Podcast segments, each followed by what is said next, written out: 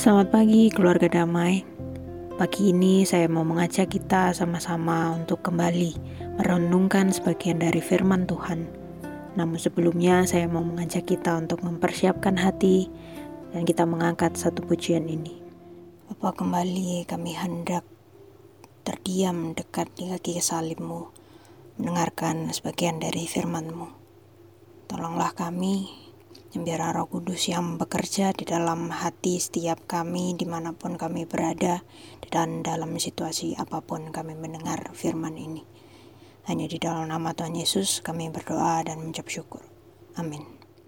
Bacaan kita pada pagi hari ini terambil dari kisah para rasul 27 ayat yang ke-13 hingga ayat yang ke-38.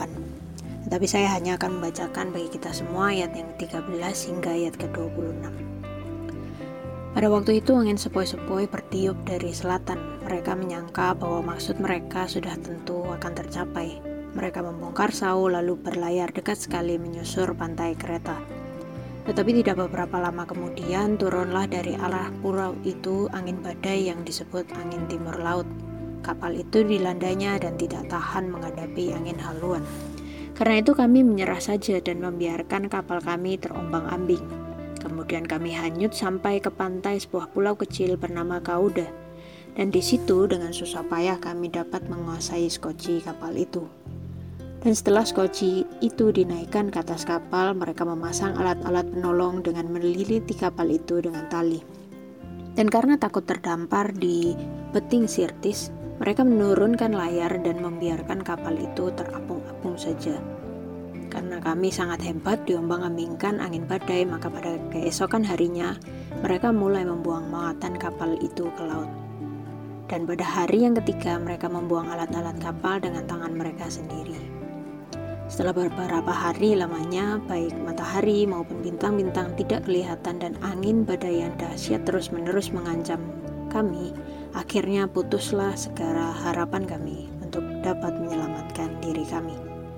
Dan karena mereka beberapa lamanya tidak makan, berdirilah Paulus di tengah-tengah mereka dan berkata, Saudara-saudara, jika sekiranya nasihatku dituruti supaya kita jangan berlayar dari kereta, kita pasti terpelihara dari kesukaran dan kerugian ini.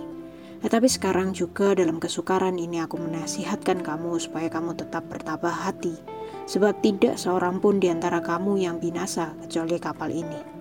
Karena tadi malam seorang malaikat dari Allah yaitu dari Allah yang aku sembah sebagai miliknya berdiri di sisiku dan ia berkata, Jangan takut Paulus, engkau harus menghadapi kaisar dan sesungguhnya oleh karunia Allah maka semua orang yang ada bersama-sama dengan engkau di kapal ini akan selamat karena engkau. Sebab itu tabahkanlah hatimu saudara-saudara karena aku percaya kepada Allah bahwa semuanya pasti terjadi sama seperti yang dinyatakan kepadaku namun kita harus mendamparkan kapal ini di salah satu pulau. Di Tour, sebuah istilah yang biasa ditemukan pada palang penunjuk jalan. Umumnya reaksi para pengemudi ketika melihatnya adalah mengumpat, mengeluh, gelisah, atau terdiam. Bagaimana tidak, Titur mengindikasikan bahwa pengemudi harus memutar balik atau mencari jalan alternatif agar dapat melanjutkan perjalanan. Tentunya Titur tidak menyenangkan. Ada kalanya jalan memutar menjadi sangat jauh dan rumit. Belum lagi jika tersesat, maka Google Maps lah yang harus bertindak. Sayangnya Google Maps pun belum ditemukan kala Paulus dan kawan-kawan hendak berlayar ke Roma BMKG pun belum didirikan, sehingga peringatan dini angin timur laut tidak pernah diketahui. Alkitab jelas mencatatkan ketidaktahuan mereka demikian. Mereka menyangka bahwa maksud mereka sudah tentu tercapai. Mereka membongkar sauh lalu berlayar dekat sekali menyusur pantai kereta. Tetapi tidak beberapa lama kemudian turunlah dari arah angin itu angin badai.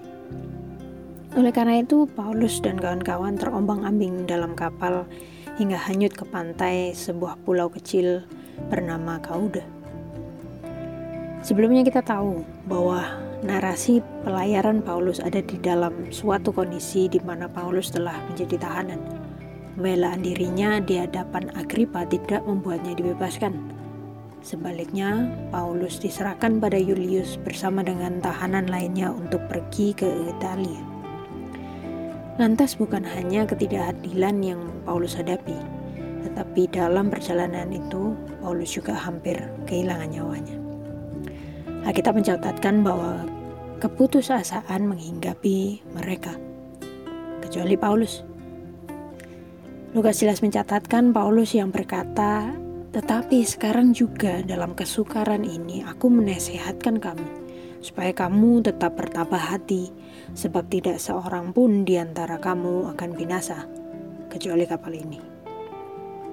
Dalam hal ini Paulus menunjukkan pelayaran yang tidak sesuai rencana ini sebagai perjalanan iman bersama dengan Allah. Tetapi tunggu, Bukan berarti Paulus berusaha merohanikan setiap kesukarannya sebagai perjalanan iman.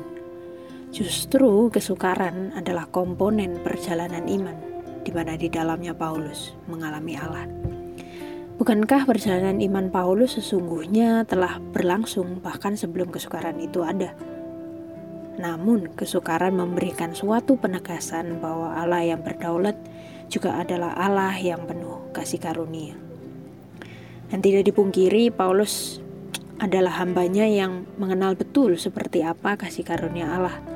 Di dalam suratnya kepada jemaat di Filipi, Paulus bahkan menegaskan bahwa yang ku kehendaki ialah mengenal dia dan kuasa kebangkitannya dan persekutuan di dalam penderitaannya di mana aku menjadi serupa dengan dia dalam kematiannya.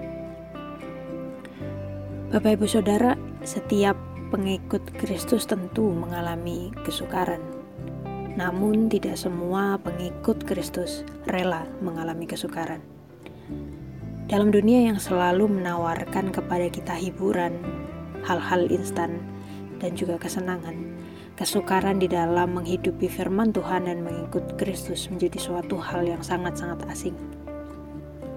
Tapi kabar baiknya, Kristus telah menjadi teladan kita di mana ia setia di dalam kesukaran, bahkan bisa dikatakan di dalam penderitaan dan di dalam kematian. Hanya saja pertanyaannya adalah, maukah kita menjalani panggilan ini?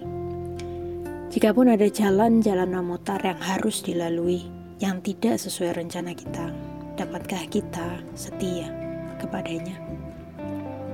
Detour is God's door. Perjalanan memutar kita adalah perjalanan kita bersama dengan Allah. Karenanya, hal kesukaran adalah komponen perjalanan iman kita bersama dengan Allah. Ada kalanya meresahkan, ada kalanya menggelisahkan, bahkan ada kalanya menyakitkan. Tetapi komponen itu perlu ada bagi pertumbuhan iman kita.